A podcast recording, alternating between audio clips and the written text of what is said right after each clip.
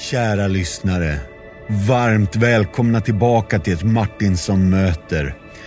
Jag ber om ursäkt att det inte har kommit något avsnitt på ett tag, men jag fick influensan. Men nu är jag back on track och jag är här med den hjärtliga och innerliga rapparen Kemi från Etiopien. Hans fulla namn är Kumneger Mesafint och hans dramatiska livsberättelse börjar i Addis Abeba med att hans pappa överger den lilla familjen när Kemi bara är två år gammal. Kemi pratar därför inte bara om att utrota barnens akuta hunger utan själva fattigdomens tankebyggnad, den som inflammerar hela själen långsiktigt. Han är värd för radioprogrammet Frid som varje vecka pratar om psykisk ohälsa och når över 4 miljoner lyssnare. Han har ett tv-program och är en begåvad hiphop-artist. De kallar honom pionjären eftersom hans album var det första gospelrap-albumet i nationen. Han har två album i bagaget och är älskad på landets hiphop-scen. Som kanske den enda i sitt kvarter har han pluggat sig till en kandidatexamen från Jima University och han jobbar nu på Compassion i en tjänst som han säger sig fått från Gud. Att befria barn från fattigdom i Jesu namn. Utan att själv haft någon pappa så har Kemi nu två fina döttrar tillsammans med hustrun Betsy som också är utbildad sjuksyster och också tidigare har varit fadderbarn i Compassion. Det här är en klok och kreativ kille som inte lämnar någon oberörd, varken med sin berättelse eller sin musik. Varsågoda, här har ni Kemi the Rapper.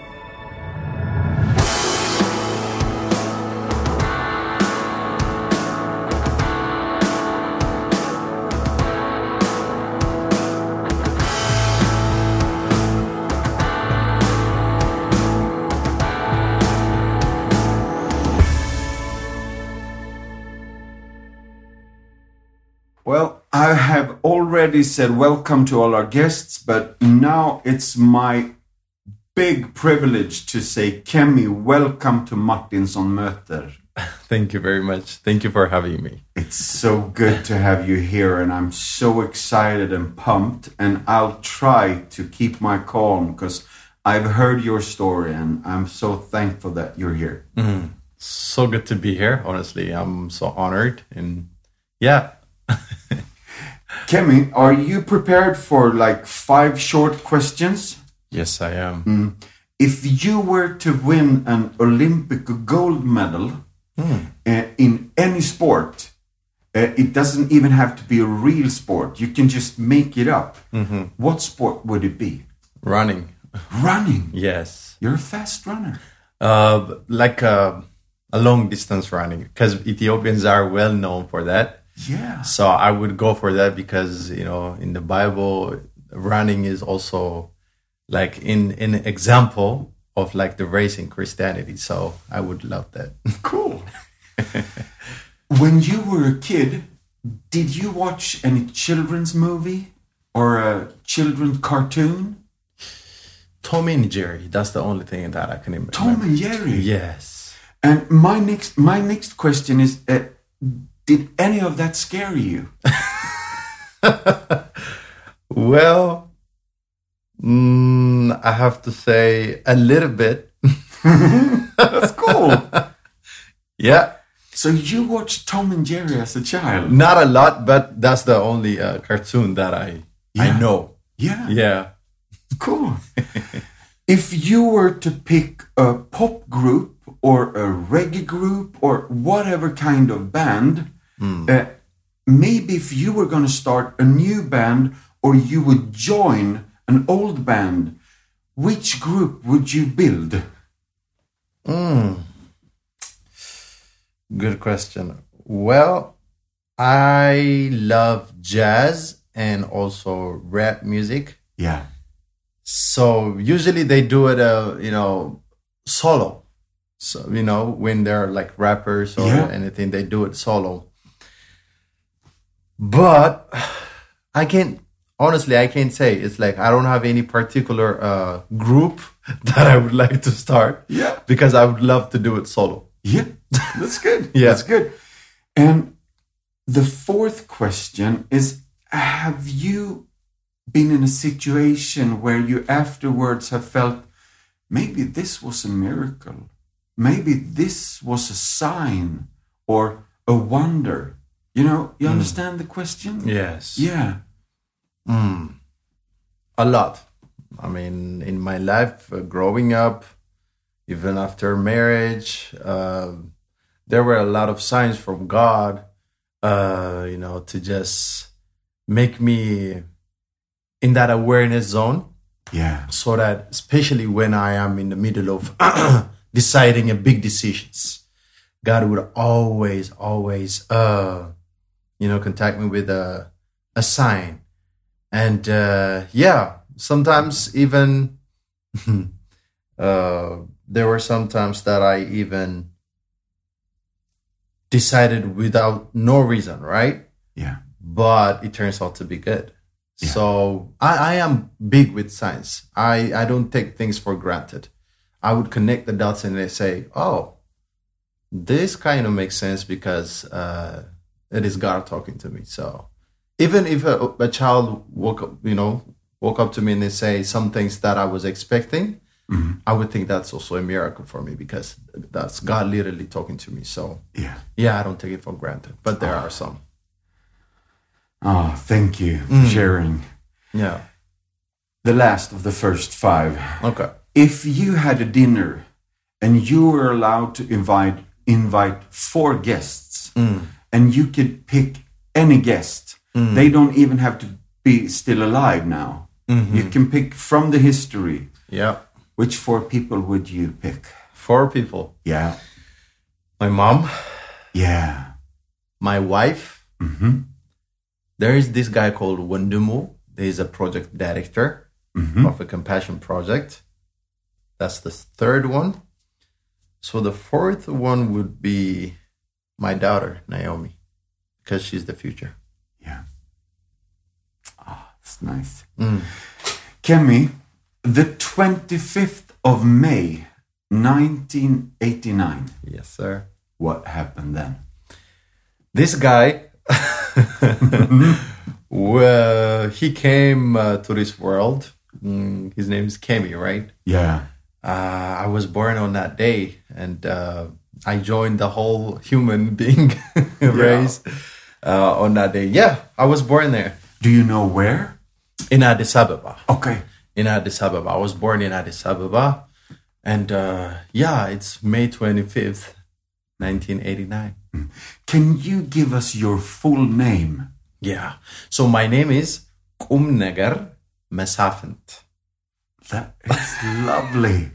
And it's hard to pronounce. Yes. I can get the kum. Uh, that, that- that's really hard.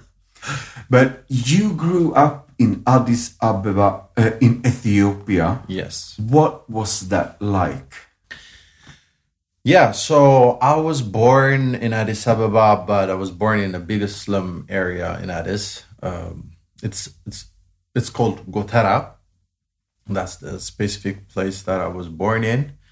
Uh, yeah, growing up was really really hard. Like it was uh, for us. There are a lot of kids in the community, but also like we live close by, and uh, every people were struggling back then. Like Yeah. you know trying to survive and also worried about the next meal if you if you go out on the streets you would see a lot of people trying to get a job because most of them are daily laborers. Yeah. so when when you're a daily laborer you just go out early in the morning looking for a job. Then because there's a lot of need some people get lucky to get a job and then they'll be able to provide for their families but most of them they don't. So they would just run around and just you know live the way um, life leads them to be. And uh, most of the time it's just hopelessness and uh, honestly growing up was really really hard not only for me for my mom for my friends growing up together uh, yeah, we would just walk barefoot, you know, because most of our parents they could not afford for a shoe. My mom can't because when I was like two years old, my dad abandoned us. He just Yeah. left us alone. So that makes everything worse, you know. uh, because she was never educated. Uh, she only had a fourth grade education. Yeah.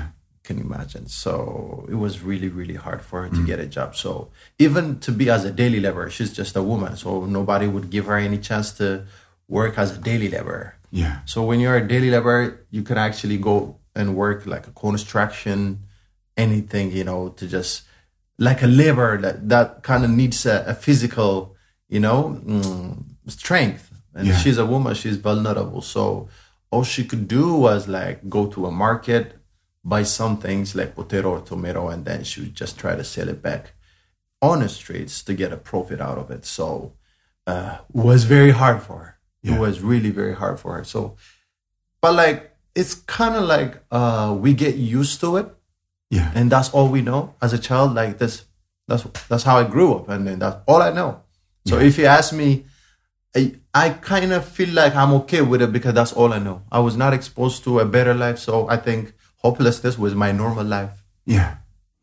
You have mentioned the sentence changing one's mindset. Can you help us with that? Because cause poverty is just not having food. It's has something with your mindset to do. Absolutely, because imagine imagine a person um, not being able to eat or anything, but that's just lack of something, right? But when it comes to uh, poverty, it is very complex, so it affects every little part of the human uh, mindset. What I'm what I mean by that is it affects your social emotional uh, life. It affects your spiritual life. It affects your cognitive life because you wake up early in the morning and there is no hope. So you don't even bother, you know, striving to uh, make things better. Yeah. Because all you see is hopelessness. So why would you even have hope? You know. So it kind of shifts the way you think to the world. It narrows your expectations, and you don't have any expectations. All you want to do is just eat, do whatever is there to do, and then you go to sleep. Day by day, it's just uh, the same kind of living, and you don't even strive or aspire to actually do more in the future because that's all you see. Yeah. And uh, the social life is not good because everybody's frustrated about life.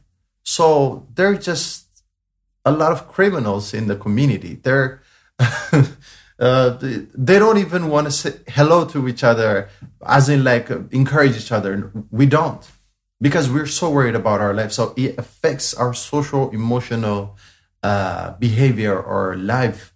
And uh, when it comes to cognitive, there's no a lot of education. We don't have any opportunity to go to school. So imagine if we're not being educated, how are we going to survive with our cognitive skills? So it's just holistic and it's very complex, and it is it kind of makes it hard where to start to solve it. I've understood mm. when I have met you these last few days that there was a lot of exploitation mm. and discrimination mm. in your neighborhood. That is so true. So you wake up in in this poverty in in this line under the poverty line, and then you you just start to go out, and then everybody's worried about the next meal, and then they would say, especially as a child, when you're trying to run to a person, they'll be like, "Go away," because they don't have time for you. No. You don't feel welcomed. You don't feel welcomed No. nobody's there to just cheer you up as a child and say, "Hey, how are?" You? It's like it's um there is, but mostly there is not. You know, and it's not from the bottom of their heart. They might talk to you, but they're they're not even there with you. No. They're just worried about what they're gonna do, and it is not safe. The community is not safe. You hear all about rape. You hear all about abuse.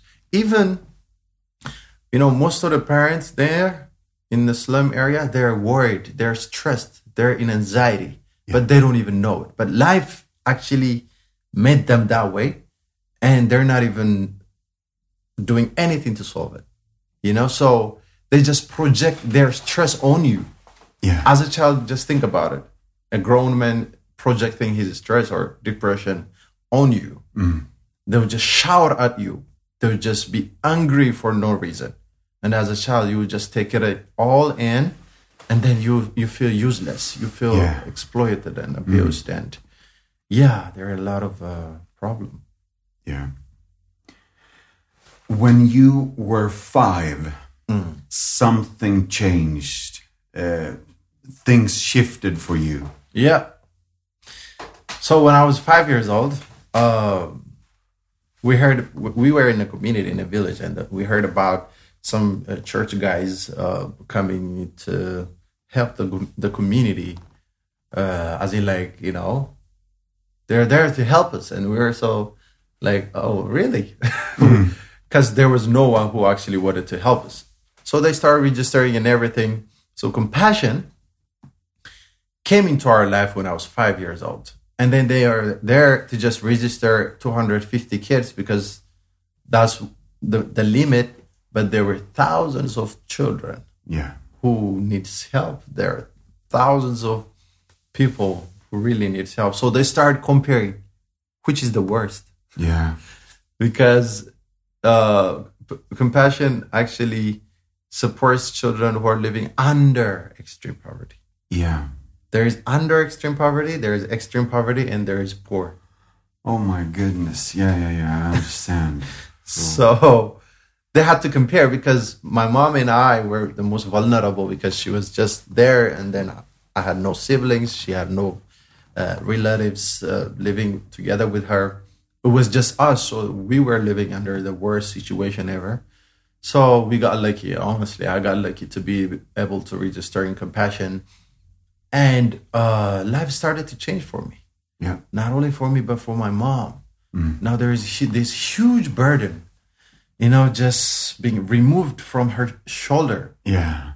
and then that's like a little bit of hope, right? Because we're we're living in darkness, and there is this little bit of hope just added to our family, and then we started saying, "Oh, okay, maybe there is a chance. Maybe there is a chance for us to get out of this life situation." So uh, it took some time, but honestly, God literally transformed our life. Now I can go to school because Compassion Project uh, covers for that. Now I have a decent clothes. I have a decent uh, shoe on my foot, Yeah. and that was everything for me. It was very strange. it was very strange Yeah.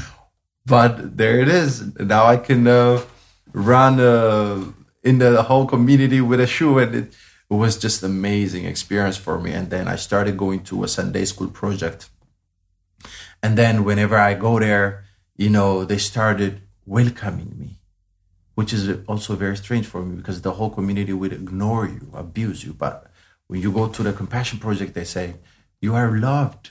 Yeah. God loves you mm-hmm.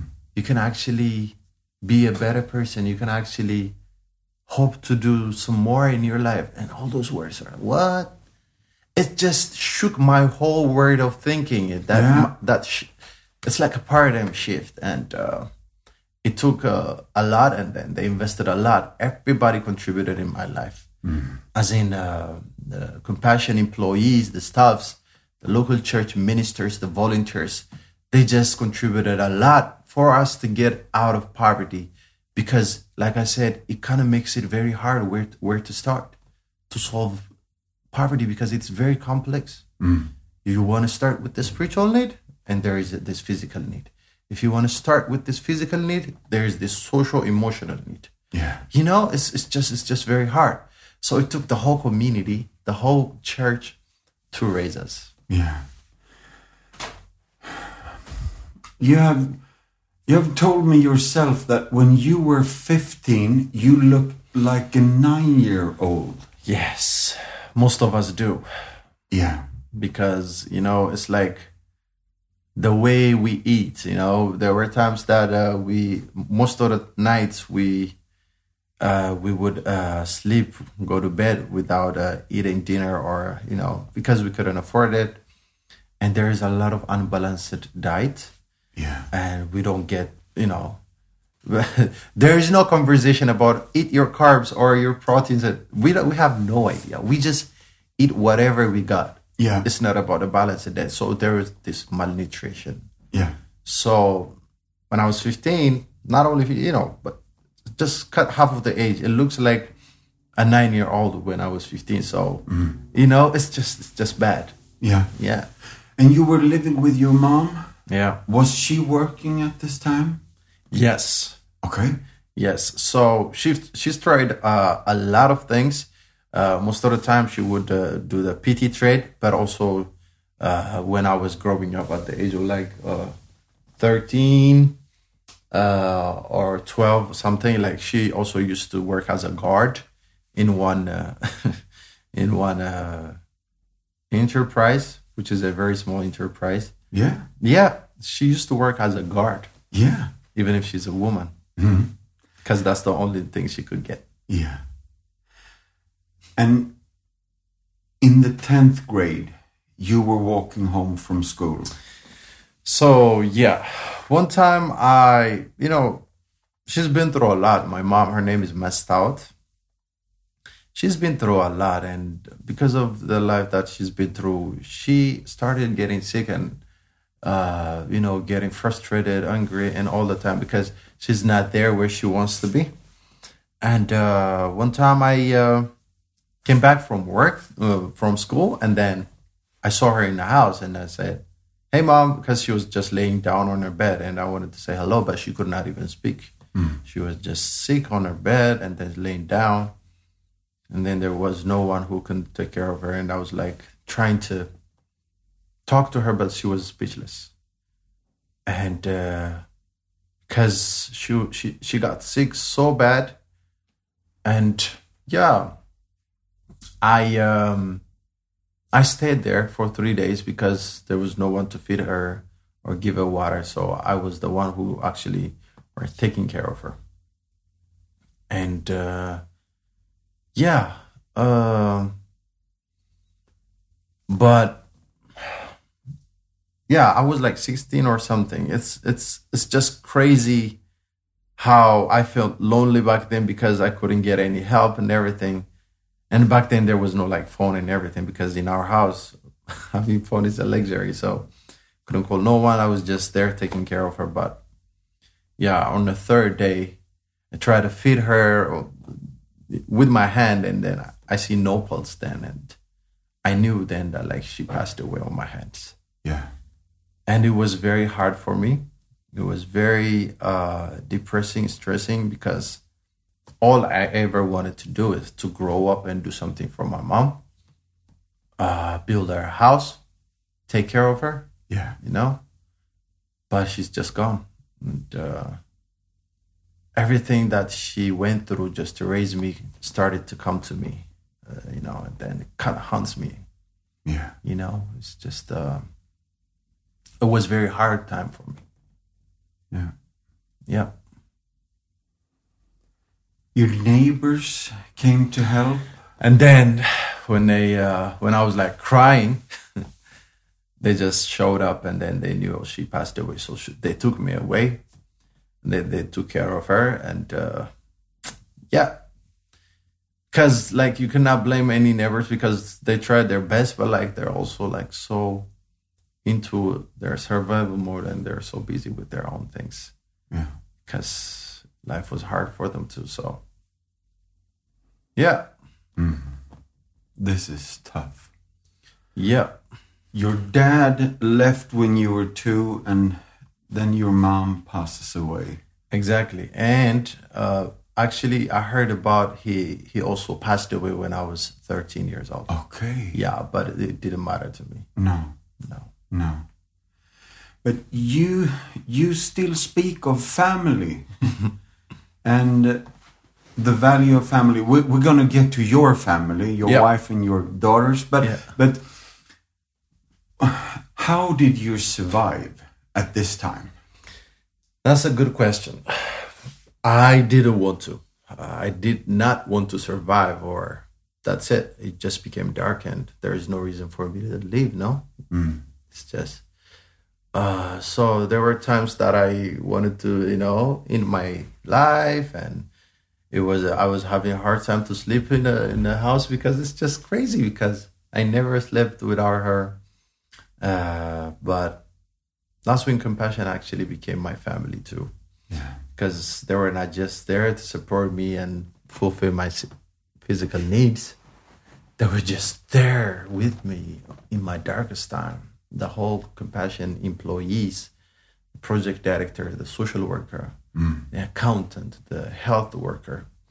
Uh, you know, you asked me about uh, the four people if I want to have dinner with. Yeah. One of the guy is the project director that I mentioned. His name is Yeah. Wondimu because he played a huge role in my life, making me uh, being encouraged in that time of my time, my my year, and praying over me, man, without even me realizing that that prayer really worked.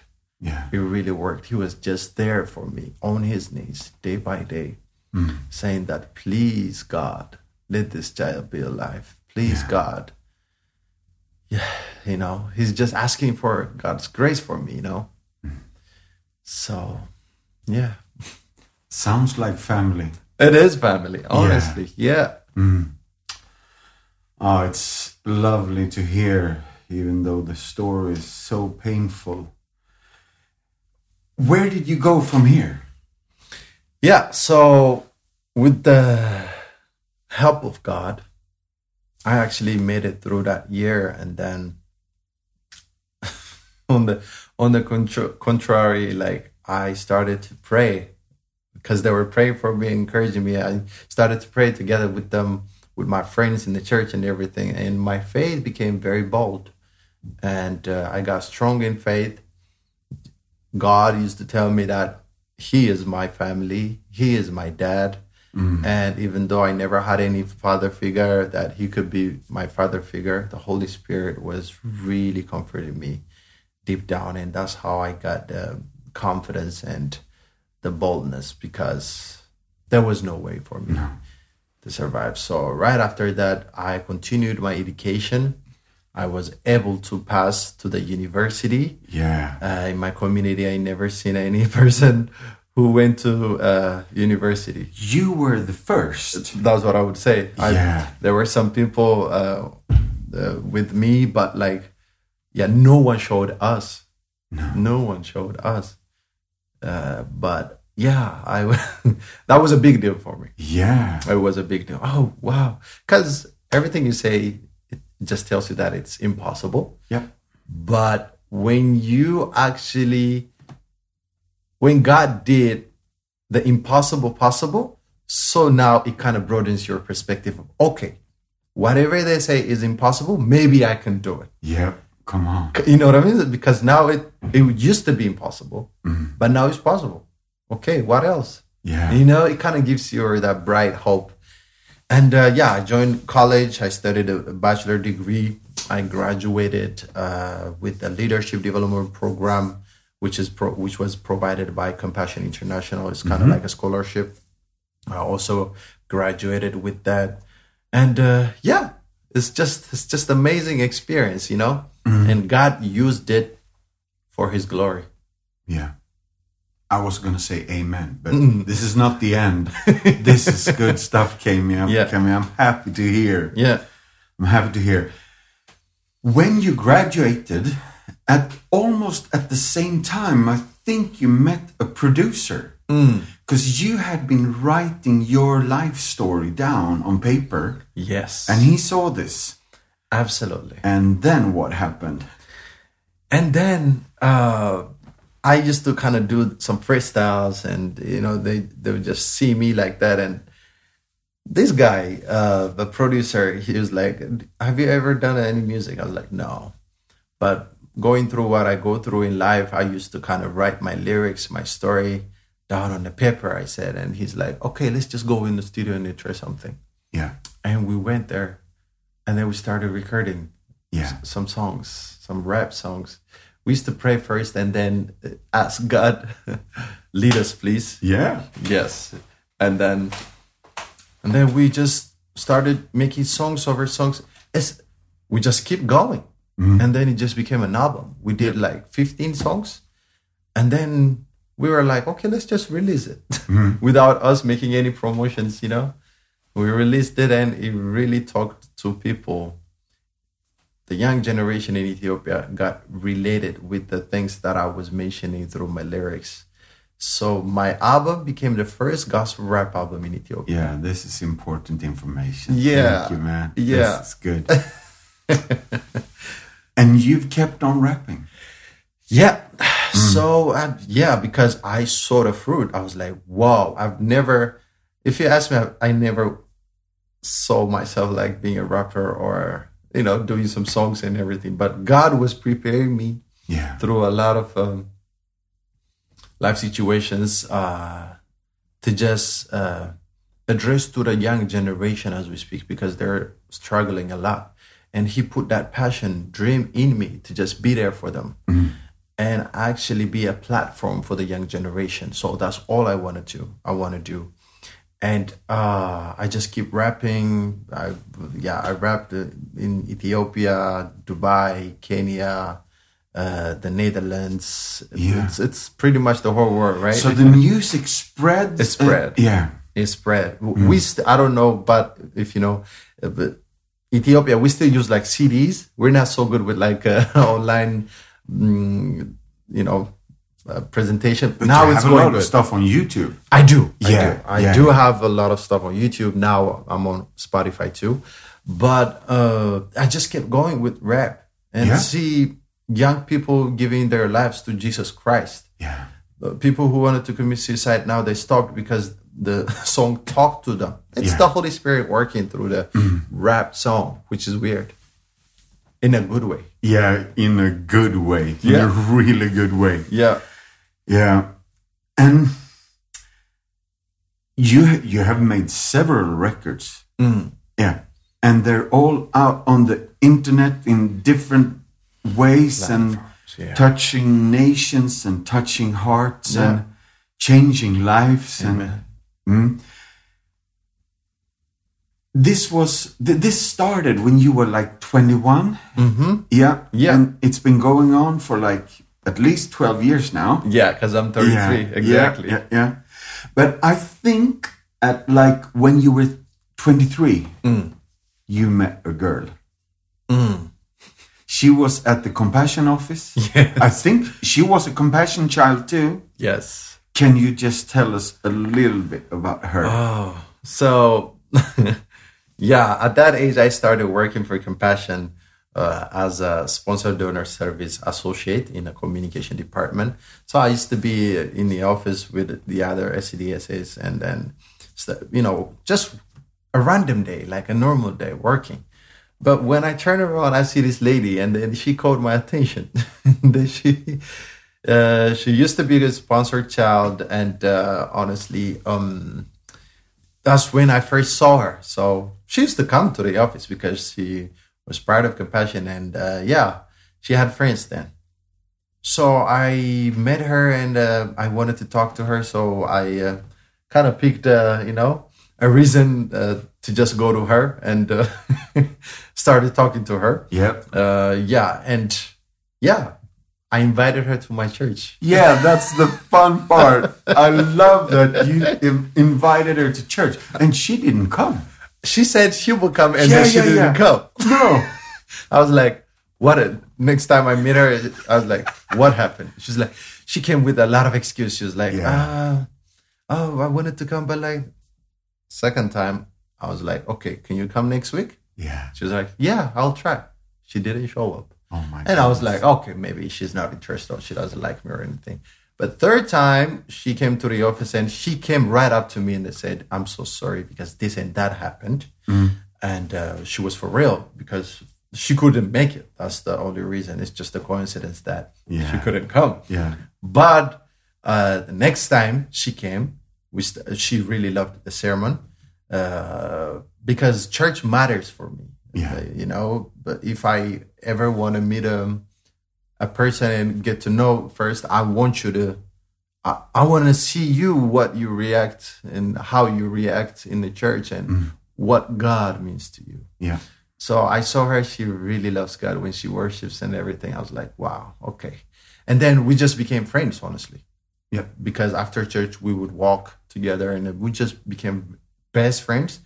And there was interest, you know, between us. And then we started kind of talking about it. We were like, okay, because we really got convinced that this is this is the relationship God wants us to. So we started dating for like a year, and then we got married. Now I've been married for like seven years now. Yeah. Yeah, And the two of you have two beautiful daughters.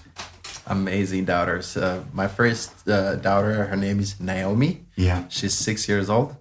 Uh, my, my second daughter, her name is Mikra. She is um, one and a half. So Yeah.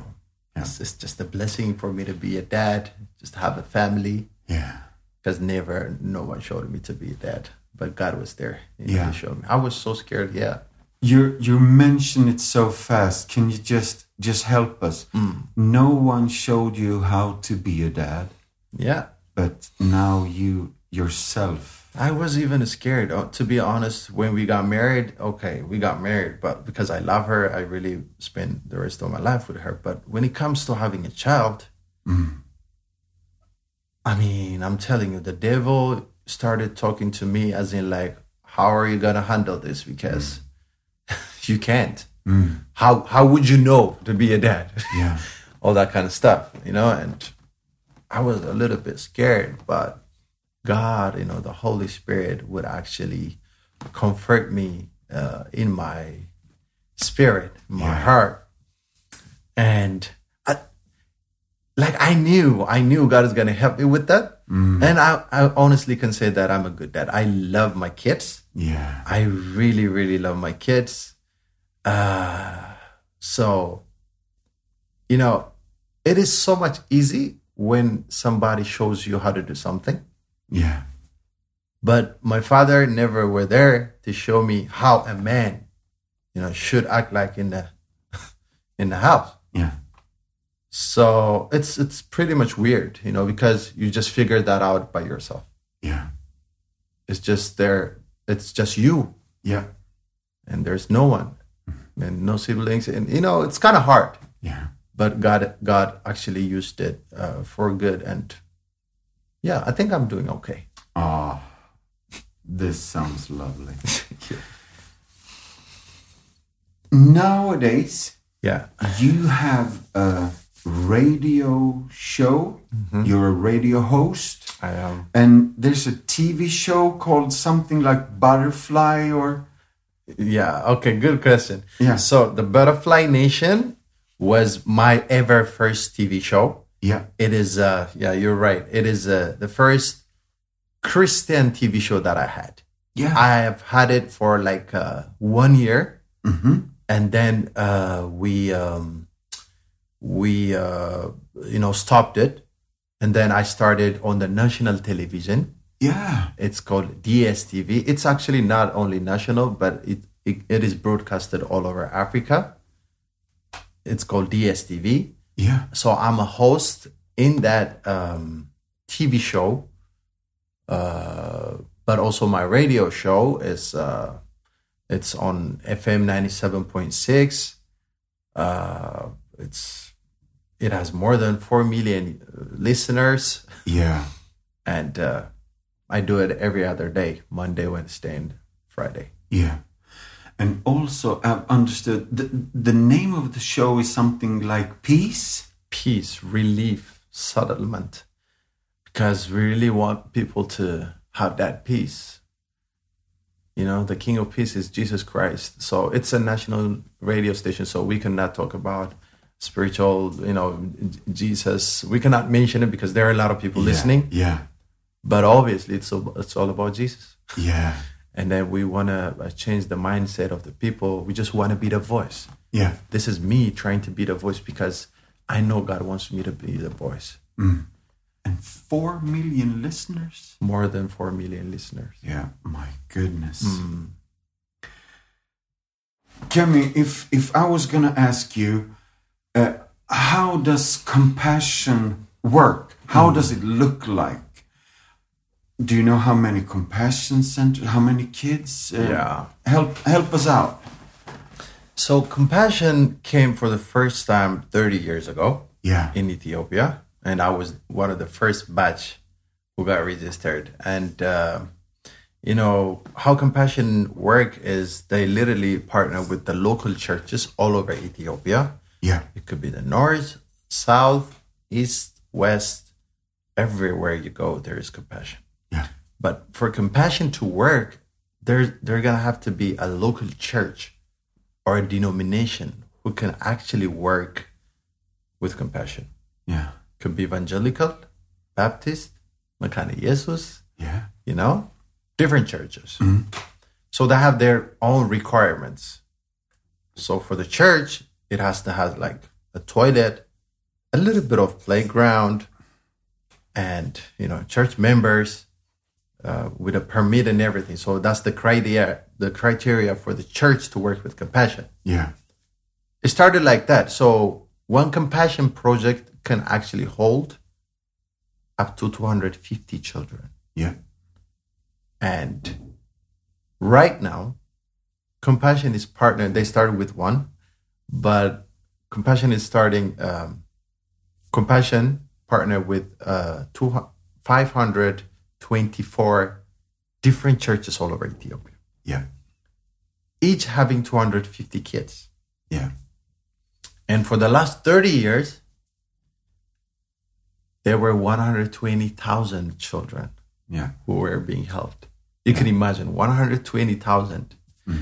And uh, so there is a head office in Addis Ababa, but those 524 FCPs or frontline church partners, they have their own stuff for stuff in one project Yeah. project director, social worker, the health worker, and the accountant. So there has to be fully employed stuffs in one compassion project in each Each Church. center. Yeah. Yeah. each center. So that's how it works. And um, they usually how how it works is like they usually whenever the children come to the Sunday school and everything. For example, let's let's talk about it l- later writing to the sponsors, right?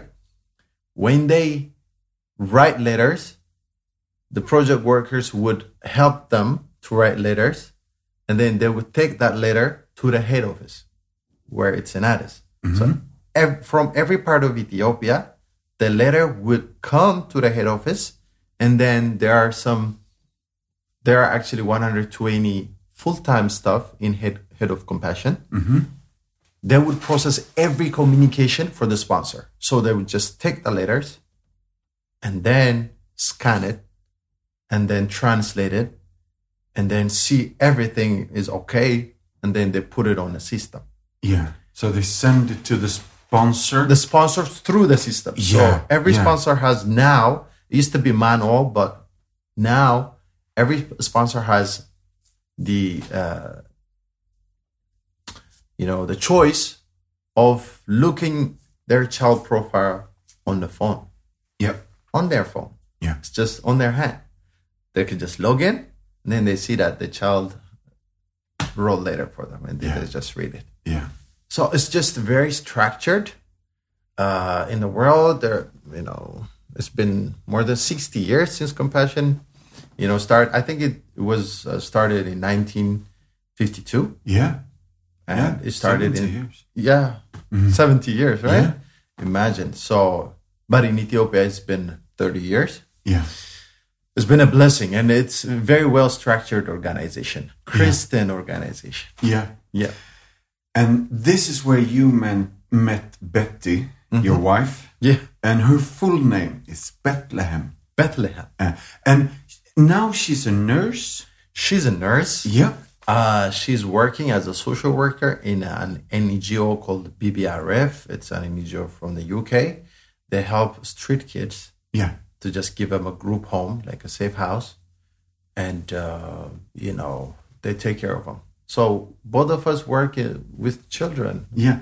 We're And so lucky. you are still working. You're working with compassion. So now I work for Compassion. Yes. Yeah. I've been working for Compassion for more than ten years. Yeah. I started as a translator. Yeah.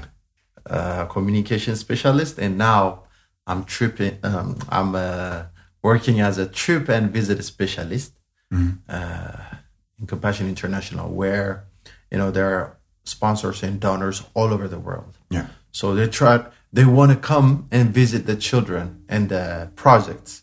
So I am the one who actually plans everything, uh, communicate everything, and also host them while they come to the field office. Yeah. So I would take them to, um, you know, to the child, to their home, and then they meet their parents, and then they see the, the way of living uh, in Ethiopia. Yeah. I, I I love that you now work with the organization that in one way saved you. True. Because when we spoke yesterday, I think you said, "Where where was I going to be?" I would never have imagined my life that where I am right now. Yeah, Never. I would have either ended up in the streets or be dead. That's it. yeah, Because some of our neighbors were like that. yeah. Um, if if I was going to lead this to the last question, because we've been speaking about it the whole time, but but all of my guests that comes to Martinson möter, uh, I ask them, how would you say we would end world poverty? In one sense, you've already, your life is a testimony. Uh, your story is a, is a truth of concept. But, but if you, in a few words, would um, encourage our listeners how they can be a part of erasing poverty in the world. Yeah. So when it comes to um, especially children who are living in poverty, Yeah. they have no idea. They're just children. They're there without their choice. They have no idea. It takes us, the people living here in the rest of the world, to see it for them Yeah. and be an advocate for them. The Bible says, speak up for those who cannot speak for themselves. Proverb, Proverb 31 hmm. says, speak up for those who cannot speak for themselves. Because these children, they can't. They don't see the world like we do. We have to be there for them to just tell them, oh, there is a better world. You can aspire to do more in the future. So if one thing you want to do, be an advocate for the kingdom of God. Yeah. Be the hands and the feet of Jesus Christ. Hmm. Because if you support these children, if you are there to encourage them, if you send your money, that is you literally being obedient to God because that's where the heart of God is. Yeah. I don't think, personally, I don't think being on the stage is what matters for God. What matters for God in the kingdom is just to be there for the most vulnerable in the community. Yeah. Those are children. That's why I love compassion because they're working with children. The mission is releasing children from poverty in Jesus' name. That is it. Clear, crystal clear. Releasing children because they're the most vulnerable. Yeah. Releasing why? Because it is a chain. It's a chain of poverty. They have to be released. I am released now. I'm a living testimony. It works. God is at work through compassion. Mm. And it's not only an organization, it is a mission. I accepted Jesus Christ as my personal savior. Mm. There was no way for me to accept Jesus and hear about Jesus is the only savior if it wasn't for compassion. Hmm. So, one thing, if you ask me to say, please be an advocate. Hmm. Please be the voice for those who are the most vulnerable in the community. Hmm. Those are children. And start sponsoring one child. If you are sponsoring one child, sponsor two child children, three children. Why not? Why not? I don't see why not. This is good. Yeah. And try to give any donations or whatever you can. It's all about the heart, not the money. Yeah. My sponsor from the US, she used to send money, let you know, send letters and everything, never knowing that her money can actually buy me a hope. Do we know do we know that money can buy a hope? Yeah. Yes, it can. do something now. Yeah. Kemi, I am deeply honored to have met you. Yeah. In a few days, you have become a good friend. Yes. In your life, I hear the echo of um, the calling from God uh, to not close your life, your world, your mindset, but to open up and see the big picture and take part of the kingdom work. Because you really are a kingdom worker with your rap music and with your testimony and mm. with your work at Compassion. Mm. I'm so thankful that you came to Martinson Möter and that you shared your story. Um, is it okay with you that you close us with a prayer? Yeah. Is that okay? I would love that. Mm. Can I can I pray with the heavenly language, which is Amharic? Yeah, yeah, yeah. That would, Would- be lovely. Yeah, Do yeah. that. Yes, please. All right.